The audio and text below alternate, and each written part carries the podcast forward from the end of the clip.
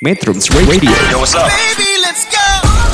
All that you want. All that you can have, boy. Got me spread like a buffet. Bon night, Now bon they appetit. always say congratulations. Come on, strip that down for me. I'm on my way. Girl, come on, strip that down for me. Yeah, yeah, yeah, yeah. Metrums Radio Media terintegrasi kaum muda Selamat malam metronom, apa kabar? Bertemu kembali di acara Arah Pandang, Bincang Ideologi dan Politik Internasional di Radio Online Metro di Bilangan Jati Handap Bandung. Masih bersama narasumber Setiawati Dian Awalina, topik perbincangan kita malam ini masih di sekitar isu Afrika. Setelah sekian waktu cukup berjarak antara Indonesia dan kawasan Afrika, lantaran tekanan politik internasional di masa Perang Dingin, dua dekade pasca Perang Dingin, Indonesia dan kawasan Afrika memperbaharui semangat solidaritas melalui sebuah mekanisme multilateral yang melibatkan seluruh negara di kedua kawasan Asia dan Afrika. Meski kerap diragukan efektivitasnya, mekanisme ini mau tidak mau telah menjawab betapa pentingnya mewujudkan cita-cita semangat Bandung dalam kerjasama yang saling menguntungkan di kedua belah pihak. Untuk lebih jelas, metronom sebentar lagi akan mendengarkan kisahnya dari Mbak Dian. Silahkan.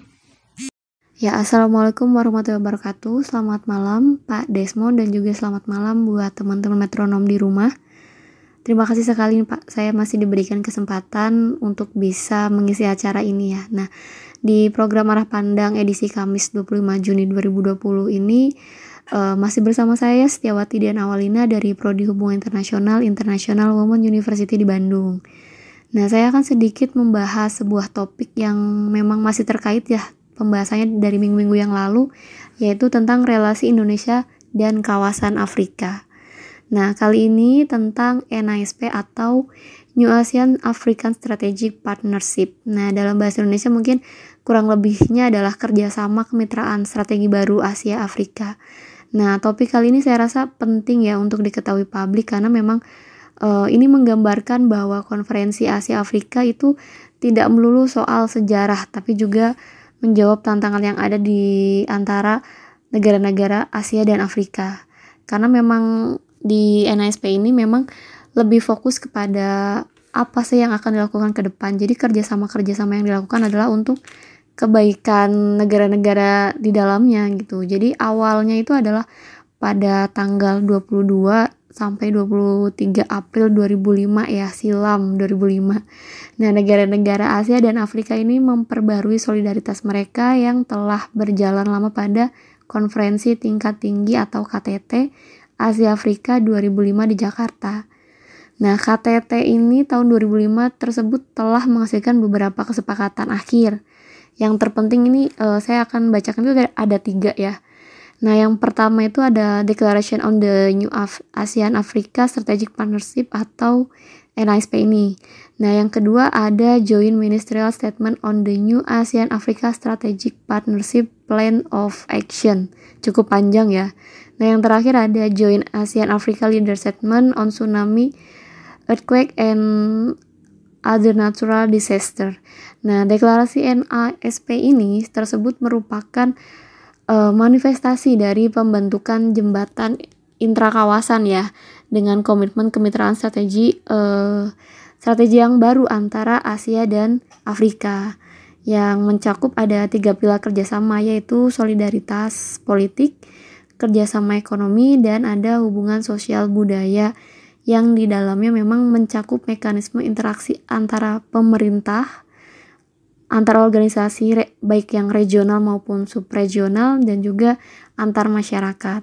Jadi selanjutnya memang akan dibahas lebih mendalam ya seperti biasa akan kita bahas di sesi 2, 3 dan 4. Jadi buat teman-teman metronom yang memang tertarik dengan tema kita malam ini, dengerin kita sampai akhir. Oh ya, jangan lupa kembali eh, kami ingatkan kepada metronom bahwa Radio Metrum dapat didengarkan melalui mengunduh aplikasi Android Metrum Radio di Play Store Metronom, satu aplikasi menjelajah berbagai platform. Bagi pengguna perangkat Apple, dapat menyimak program arah pandang melalui App Store online, Radio Box, Radiosnet, atau Radio.net. Atau bisa juga metronom eh, menyimak talk show ideologi dan politik internasional ini melalui metrum.co.id atau melalui Radio Garden atau melalui aplikasi radio lainnya. Bisa search saja Metrum Radio. Metronom dapat mendengarkan ulang rekaman talkshow berupa podcast di beberapa aplikasi podcast bagi pengguna perangkat Android maupun Apple. Caranya, search saja Metrum Radio. Sampai bersua kembali di sesi kedua. Metrums Radio, media terintegrasi kaum muda.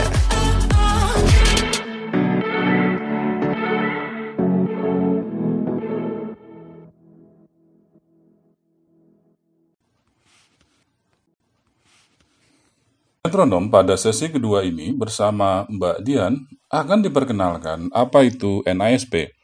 Tak sedikit di antara kita yang umumnya kurang begitu mengenal istilah ini.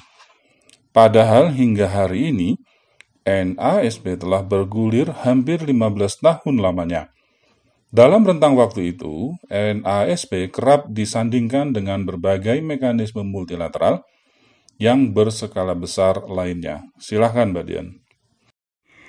Ya, uh, teman-teman metronom, jadi pada sesi kedua ini, saya akan memperkenalkan bahwa NASP sebagai sebuah forum kerjasama multilateral Asia-Afrika. Jadi, eh, secara empiris, NASP ini sebagai forum merujuk pada penjelasan yang diperoleh dari hasil kajian dokumen.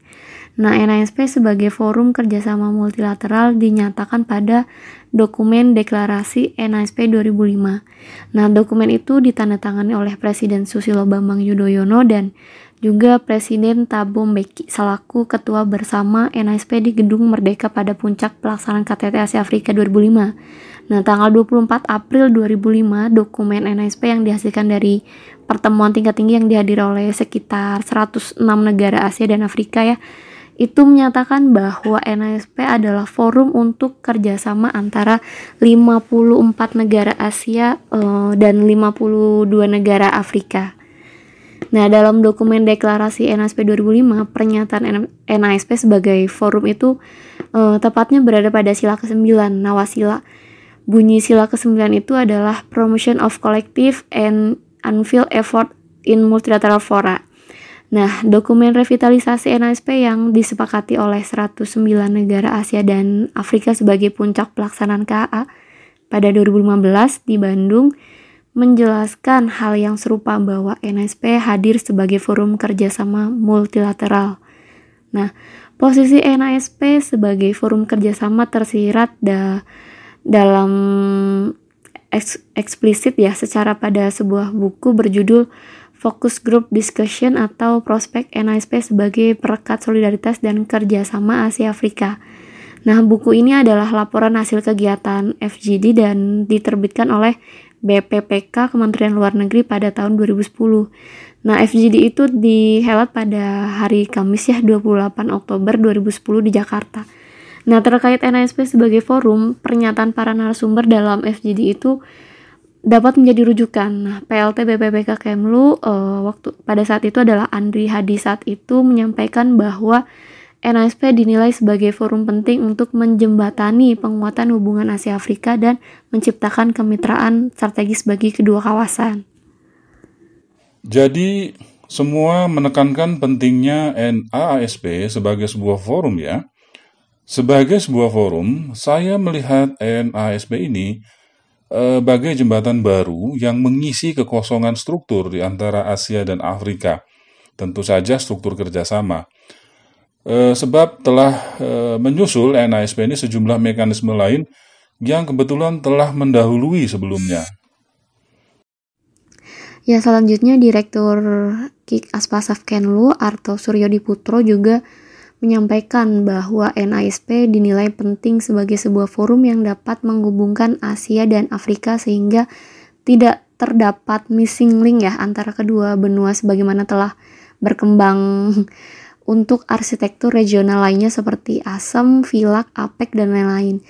Nah, di samping itu masih terkait forum, Arto Suryo Diputro juga mengatakan bahwa tantangan yang dihadapi NASP ke depannya yaitu keberlanjutan dari forum ini dikarenakan hingga kini belum ada kandidat atau co-chairman ya yang akan menggantikan Indonesia dan Afrika Selatan yang dinilai representatif. Nah, selanjutnya masih terkait NASP sebagai forum peneliti dari Uganda, yaitu Dr. Muyenja menyampaikan bahwa NASP akan menjadi lebih relevan dan bermanfaat jika forum itu dapat menjawab berbagai tantangan yang dihadapi serta meningkatkan efektivitas dari kegiatan yang dilakukan dan bukan sekedar mengedepankan semangat nostalgia terakhir dosen dari Presiden University yaitu ada Bantarto Bandoro ya dalam kesempatan yang sama juga menyebutkan bahwa upaya untuk menjaga sustainability uh, eh, NASP tersebut dapat dilakukan dengan memperkuat interaksi pada tiga lapis yang saling terkait ya, yaitu forum antar pemerintah, organisasi subregional, dan juga interaksi antar rakyat. Nah, utamanya kalangan bisnis, akademia, dan juga masyarakat madani. Metronom, demikian sesi kedua bersama Mbak Dian yang memperkenalkan NASB sebagai sebuah forum kerjasama multilateral. Ada sebuah catatan penting yang saya tangkap adalah Narasumber kita berulang kali menekankan dari sejumlah sumber soal fungsi NASP sebagai sebuah forum. Mengapa sebuah forum menjadi begitu penting? Nanti kita lihat pada sesi ketiga. Sampai jumpa di sesi ketiga. Metrums Radio Media terintegrasi kaum muda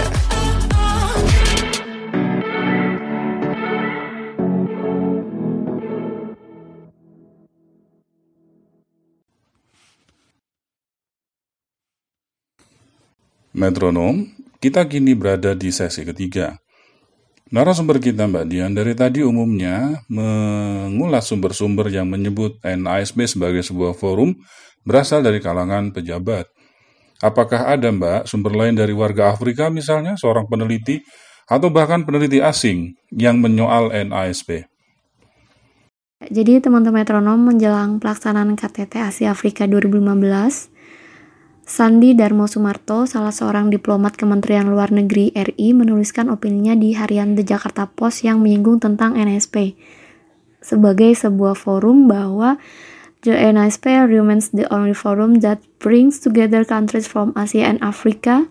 Further is our government program in attaining as much economic benefit as possible from its diplomacy exercise.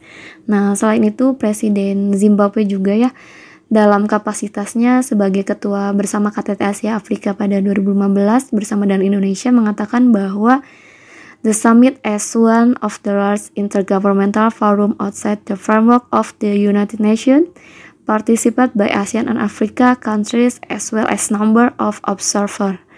Nah, ada juga nih dari Marvin Peace juga ya salah seorang research analyst dari Indian Ocean Research Program menulis uh, dalam artikelnya yang bertajuk Will the Asian Africa Conference Lead to Closer Cooperation.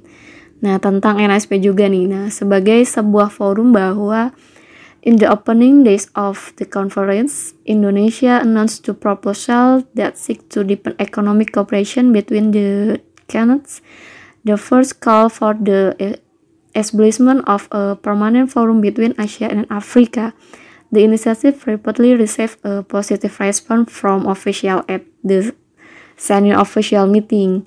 The second suggests the creation of a business council to be called the ASEAN Africa Business Council to provide reg reg regular meeting between business leaders of the two connect Such proposal appear to some similar to ones made in 2005 and their success depends when, whether or not they actually receive broad political support. Baik, lantas secara teoritis, apakah Mbak Dian memiliki sumber lain yang mengupas NAASP sebagai sebuah forum? Paling tidak, ciri-ciri NASP sebagai sebuah forum dapat ditandai secara teoritis. Uh, kedudukan NSP sebagai forum juga disinggung ya oleh salah seorang tokoh yaitu Esa Abdullah Al-Basa Al-Naumi Beliau adalah duta besar dari UIA usai menghadiri KTT Asia Afrika 2005. Ia mengatakan bahwa The forum aims to view the progress achieved under the partnership between both continents during the period from 2005 through 2009 in the areas of food and energy security, tourism, small and medium projects, the fight against terrorism, organized crime, gender equality, women's role, and the project of the ASEAN uh, ASEAN Africa University Network. Nah, selanjutnya eh, NSP sebagai sebuah forum dalam kajian teoritis merujuk pada tinjauan organisasi internasional. Salah satu tokohnya adalah Cliff Archer. Nah, rujukan ini dilatari pertimbangan bahwa bentuk kerjasama kemitraan strategis yang memiliki ciri-ciri seperti uh, berfungsi sebagai multifora ya, yaitu mengedepankan isu global bersifat jangka panjang dan bersifat aliansi non-ketaatan adalah se adalah sejalan dengan ciri-ciri sebuah arena atau forum di mana para negara-negara yang ada di dalamnya secara multilateral dapat memanfaatkan, dapat menjadikan itu sebagai wadah ya yang dimaksud untuk tujuan-tujuan yang sejalan dengan kepentingan nasionalnya. Nah, dalam ulasannya ada tiga peran utama organisasi internasional. Internasional. Yang pertama adalah instrumen, yang kedua adalah arena, dan yang ketiga adalah aktor. Jadi organisasi internasional secara tradisional menyediakan bagi anggotanya uh, untuk menyampaikan pandangan dan saran dalam forum yang terbuka dan publik ya dan hal ini menjadi yang membedakan dengan diplomasi bilateral. bilateral. Mbak Dian, jangan-jangan tak berlebihan jika karakteristik multilateral NASB ini memiliki kaitan dengan karakteristik konferensi Asia Afrika terdahulu, yang juga lebih menekankan pentingnya sisi multilateral demi kerjasama yang setara. NASP dengan karakter forum multilateral ya dapat dirunut dari asal mula peristiwa KA 1955. Menurut Cliff Archer, momen KA 1955 ini e, menjadi titik masa penting bagi kemunculan forum multilateralisme bagi negara-negara dunia ketiga. Ia mengatakan, The creation of a group of states standing outside both the East-West military and political division is often that from the Bandung Conference of Non-Aligned States held in April 1955 in 1960. African states become independent and joined the United Nations. This helped establish the Third World in international forum not just as a non-aligned grouping but also as an economic force with its own demands concerning the ending of the Western-oriented market-based global economy and the adoption of a new international economic order. Metronom, demikian sesi ketiga tentang NASB secara lebih mendalam telah diulas dengan apik oleh Mbak Dian. Saya ingin mengingatkan dari sekian informasi yang tadi diulas adalah NASP dirancang dan dijalankan sebagai sebuah forum multilateral dan ini senafas dengan pesan semangat Bandung dari Konferensi Asia Afrika 1955. Sampai berjumpa pada sesi keempat. Metrums Radio Media terintegrasi kaum muda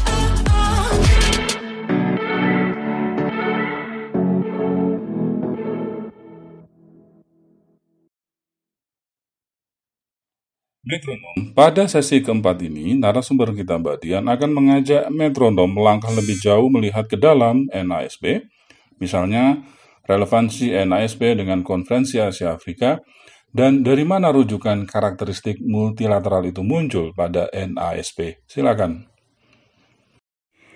Kemudian perihal KA 1955 sebagai perintis forum dari multilateralisme bagi dunia ketiga yang ditulis oleh salah satu tokoh yaitu Ruslan Abdul Ghani, Sekretaris Jenderal KA 1955 dalam bukunya yang berjudul The Bandung Connection. Mungkin buat teman-teman yang di Bandung ya uh, pasti familiar ya dengan judul buku ini The Bandung Connection ini. The Prime Minister wise to point out that acceptance of the invitation by any one country would in no way involve or even imply any change in the status of the country or its relationship with other countries. It implied only that the country in fact was in general agreement with the purpose purpose of the conference. They had also borne in mind the principle that form of government and the way of life of any country should in no way be subject to interference by another. Any view expressed the conference by one or more in fact would not be binding on or be regarded as accepted by any other in fact unless the latter so decide the basic purpose of the conference is that the countries concerned should become better acquainted with one another point of view. The Prime Minister hoped that this clarification would enable other countries in fact to accept their invitation. Jadi uh, Ruslan Abdul Ghani menggarisbawahi pernyataan di atas bahwa uh, ikut serta dalam KA di mana akan duduk berbagai negara dengan bermacam-macam sistem pemerintahan dan sistem sosialnya dan di mana akan terdapat pula negara-negara yang saling belum mengakui ya tidak mengandung arti pengakuan otomatis terhadap negara-negara yang belum diakuinya itu. Nah, sebab uh, maksud utama dari KA agar para pesertanya itu akan lebih mengenal dan memahami pandangan masing-masing negara dan mengenal memahami pendapat orang lain belum tentu menyetujui pendapat itu menurut dari Ruslan Abdul Ghani. Nah, hal itu adalah uh, salah satu faktor yang melatari suksesnya dari konferensi Asia Afrika. Mbak Dian, apakah pada dokumen deklarasi NAASP karakteristik multilateral itu muncul sebagai rujukan utama yang nanti dipakai kemudian hari? Sedangkan karakter NASP sebagai forum kerjasama multilateral negara-negara Asia dan Afrika pertama kali muncul pada dokumen deklarasi NASP 2005 yang disepakati oleh 106 negara Asia dan Afrika pada tanggal 23 April 2005 di Bandung ya. Nah, hal itu dinyatakan pada paragraf kedua. We reiterate our conviction that the spirit of Bandung, the core principle of which are solidarity, friendship, and cooperation continues to be a solid, relevant, and effective foundation for fostering better relations among Asian and African countries and resolving global issues of common concern. The 1955 Bandung Conference remains as a beacon in guiding the future progress of Asia and Africa. Jadi paragraf kedua di atas menunjukkan bahwa salah satu karakter NASP yang fokus pada isu-isu global yang menjadi kepentingan bersama negara-negara Asia dan Afrika. Nah, selanjutnya ada dokumen deklarasi NASP 2005 yang juga mengafirmasi karakter multilateralisme NASP. We emphasize the importance of multilateral approaches to international relations and the need for countries to strictly abide, abide the principle of international law in particular the Charter of the United Nations, as Asia and Africa represent the majority in the community of nations. We reaffirm the need to support and strengthen multilateralism in order to address global issues, including reforming multilateral institutions. Mungkinkah Mbak Dian bisa membantu metronom malam ini memahami lebih detail apa yang dimaksud dengan konsep kemitraan strategis dalam NASP? Khawatir terjadi overlapping definisi antara multilateralisme dan kemitraan strategis. Mungkin bisa dibantu. Dalam konsep kemitraan strategis secara umum, model kerjasama ini menawarkan proposisi utama ya. Yang pertama itu adalah kerjasama tanpa aliansi, yang kedua adalah bersifat jangka panjang, ketiga keragaman isu yang menjadi kepentingan bersama, yang keempat, kelonggaran struktur dan dalam NSP sebagai sebuah forum kerjasama NSP didirikan di atas landasan deklarasi NSP sebagai hasil kesepakatan puncak 106 negara Asia dan Afrika pada pelaksanaan KTT Asia Afrika pada tahun 2005. Jadi dalam perspektif ini, NSP secara institusional memiliki negara anggota yang tersebar di kawasan Asia dan Afrika. Keanggotaan mereka pada NSP bersifat aliansi, non ketaatan dan uh, pada tataran koordinatif. Peran organisasi internasional juga lanjut dari Cliff Archer ya dapat dilihat melalui mekanisme kerja institusinya. Misalnya proses pengambilan keputusan yang berlangsung dalam forum harus inklusif uh, terhadap sebanyak mungkin negara. Jadi hal ini dalam NSP diafirmasi pada sila keempat ya nawasila ya ini promotion of non-exclusive cooperation by involving all stakeholder. Metronom demikian sesi keempat.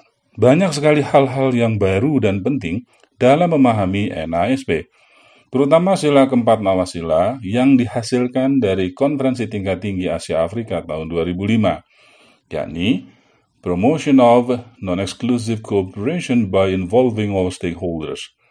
Sampai jumpa pada sesi kelima. Metrums Radio, media terintegrasi kaum muda.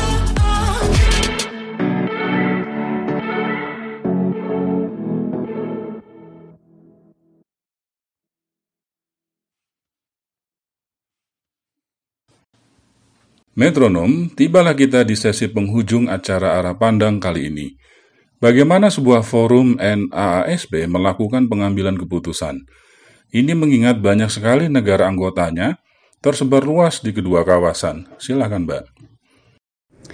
Ya, jadi selanjutnya setiap peraturan yang dibuat memang harus disetujui oleh seluruh negara anggota, baik prinsip dan rinciannya memang akan diumumkan harus melalui diskusi dan negosiasi yang terbuka. Nah, NSP sendiri memang telah memiliki landasan ya tentang hal tersebut, yakni tentang sila ketiga nawasila commitment to open dialogue based on mutual respect and benefit.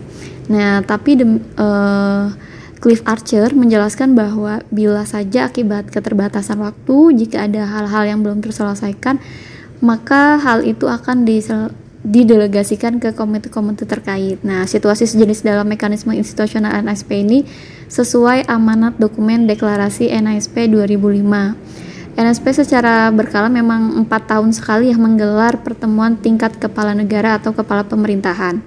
Pertemuan yang pertemuan yang dilaksanakan setiap dua tahun sekali adalah pertemuan di tingkat Menteri Luar Negeri. Di luar itu, bila dirasa dibutuhkan, maka pertemuan tingkat Menteri Koordinator dapat juga digelar nih. Nah, perihal pemilihan ketua bersama NASP kedua calon negara anggota memang diajukan oleh ketua bersama yang sedang menjabat dan disetujui secara konsensus oleh negara anggota lainnya. Pada pertemuan tingkat kepala negara atau uh, pada kepala atau kepala pemerintahan yang memang dilaksanakan setiap empat tahun sekali. Sekali lagi secara teoritis, apakah Cliff Archer memiliki pandangan soal forum multilateral terutama terkait implementasi NASP. Walau bagaimanapun secara teoritis, NASP harus dapat dijelaskan secara empiris dalam hal ini. Ya, NASP sesuai amanat dari dokumen deklarasi NASP 2005 ya yang ditujukan sebagai forum kerjasama multilateral negara-negara Asia dan juga Afrika memiliki tiga pilar utama. Yang pertama adalah solidaritas politik, yang kedua solidaritas ekonomi, yang ketiga ada solidaritas sosial budaya, dan kemudian fungsi dari NSP sendiri memang sebagai forum yang bersifat kolaboratif dan koordinatif ya, difokuskan pada delapan bidang utama yaitu counter terrorism, combating transnational organization crime, food security, energy security, SMEs, tourism, ASEAN African Development University Network dan yang terakhir ada Gender Equality and Women Empowerment. Jadi kolaborasi dan partisipasi negara anggota NSP terhadap implementasi bidang di atas secara prosedural adalah melalui persetujuan ketua bersama. Nah, pada tahun 2018 Indonesia juga kembali menjadi tuan rumah Indonesia Africa Forum dan Indonesia Africa Infrastructure Forum pada tahun 2019 ya. Nah, bentuk forum dalam relasi Indonesia dan Afrika dianggap memang lebih tepat ya untuk mengakomo, mengakomodir kepentingan kedua belah pihak dalam meningkatkan kerjasama yang saling menguntungkan. Nah, selain itu, di forum merupakan bagian dari spirit multilateralisme yang menjadi pesan dari Dasar Bandung dalam peristiwa konferensi Asia Afrika 65 tahun lalu ya. Nah, NSP tetap merupakan sebuah forum yang paling penting dalam potensial bagi kerjasama antar negara-negara di kedua benua. Dalam benua yang memang berubah-ubah ya. Tentu NSP seperti forum internasional lainnya memiliki kewajiban untuk mengatasi berbagai tantangan yang ada pada masa kini sehingga uh, tidak diragukan lagi dalam isu Palestina, masalah kebebasan, kemerdekaan tetap menjadi prioritas utama bagi NSP. Nah, bagi yang lain mungkin isu stabilitas uh, stabilitas sebagaimana juga kesejahteraan masyarakat Asia dan Afrika ya adalah merupakan tema utama bagi kerjasama yang membawa kedua benua untuk dapat bersama. Nah, Indonesia berkeyakinan bahwa dengan bekerja sama kedua benua dapat menciptakan stabilitas, perdamaian, dan juga kesejahteraan bagi masyarakatnya. Nah, setelah sekian banyak diskusi soal sisi multilateralisme NASB dan mekanisme pengambilan keputusannya, Lantas apa saja fokus NASP dalam implementasinya? Ya, NSP sesuai amanat dari dokumen deklarasi NSP 2005 ya yang ditujukan sebagai forum kerjasama multilateral negara-negara Asia dan juga Afrika memiliki tiga pilar utama. Yang pertama adalah solidaritas politik, yang kedua solidaritas ekonomi, yang ketiga ada solidaritas sosial budaya, dan kemudian fungsi dari NSP sendiri memang sebagai forum yang bersifat kolaboratif dan koordinatif ya difokuskan pada delapan bidang utama yaitu counter terrorism, combating transnational organization crime, food security, energy security, SMES, tourism, ASEAN African Development University Network dan yang terakhir ada gender equality and women empowerment. Jadi kolaborasi dan partisipasi negara anggota NSP terhadap implementasi bidang di atas secara prosedural adalah melalui persetujuan ketua bersama. Nah, pada tahun 2018, Indonesia juga kembali menjadi tuan rumah Indonesia Africa Forum dan Indonesia Africa Infrastructure Forum pada tahun 2019 ya. Nah, bentuk forum dalam relasi Indonesia dan Afrika dianggap memang lebih tepat ya untuk mengakomo mengakomodir kepentingan kedua belah pihak dalam meningkatkan kerjasama yang saling menguntungkan. Nah, selain itu, di forum merupakan bagian dari spirit multilateralisme yang menjadi pesan dari Dasar Bandung dalam peristiwa konferensi Asia Afrika 65 tahun lalu ya. Nah, NSP tetap merupakan sebuah forum yang paling penting dalam potensial bagi kerjasama antar negara-negara di kedua benua. Dalam benua yang memang berubah-ubah ya, tentu NSP seperti forum internasional lainnya memiliki kewajiban untuk mengatasi berbagai tantangan yang ada pada masa kini sehingga uh, tidak diragukan lagi dalam isu Palestina, masalah kebebasan, kemerdekaan tetap menjadi prioritas utama bagi NSP. Nah, bagi yang lain mungkin isu stabilitas uh, stabilitas sebagaimana juga kesejahteraan masyarakat Asia dan Afrika ya adalah merupakan tema utama bagi kerjasama yang membawa kedua benua untuk dapat bersama. Nah, Indonesia berkeyakinan bahwa dengan bekerja sama kedua benua dapat menciptakan stabilitas, perdamaian, dan juga kesejahteraan bagi masyarakatnya. Terima kasih, akhirnya kita sampai di sesi akhir ya dan sudah selesai untuk pembahasan tema kita malam ini. Terima kasih untuk teman-teman metronom yang sudah mendengarkan dan juga terima kasih Pak Desmond. Semoga pembahasan malam ini menjadi sesuatu yang bermanfaat untuk teman-teman metronom semua. Dan sampai jumpa di Kamis depan. Wassalamualaikum warahmatullahi wabarakatuh. Metronom demikian acara arah pandang edisi Kamis 25 Juni 2020 malam ini. Konferensi Asia Afrika tidak melulu soal sejarah, tetapi juga telah bergulir jauh menjawab tantangan yang dihadapi bersama oleh negara-negara Asia Afrika melalui NASP. Melalui forum ini juga, NASP telah merekatkan kembali ikatan solidaritas antara Indonesia dan kawasan Afrika. Terima kasih Mbak Dian atas penjelasannya malam ini, sangat bermanfaat. Terima kasih metronom yang telah setia bersama kami pada acara arah pandang malam ini. Sampai jumpa lagi pada acara arah pandang pekan depan. Selamat malam. Metrums Radio Media terintegrasi kaum muda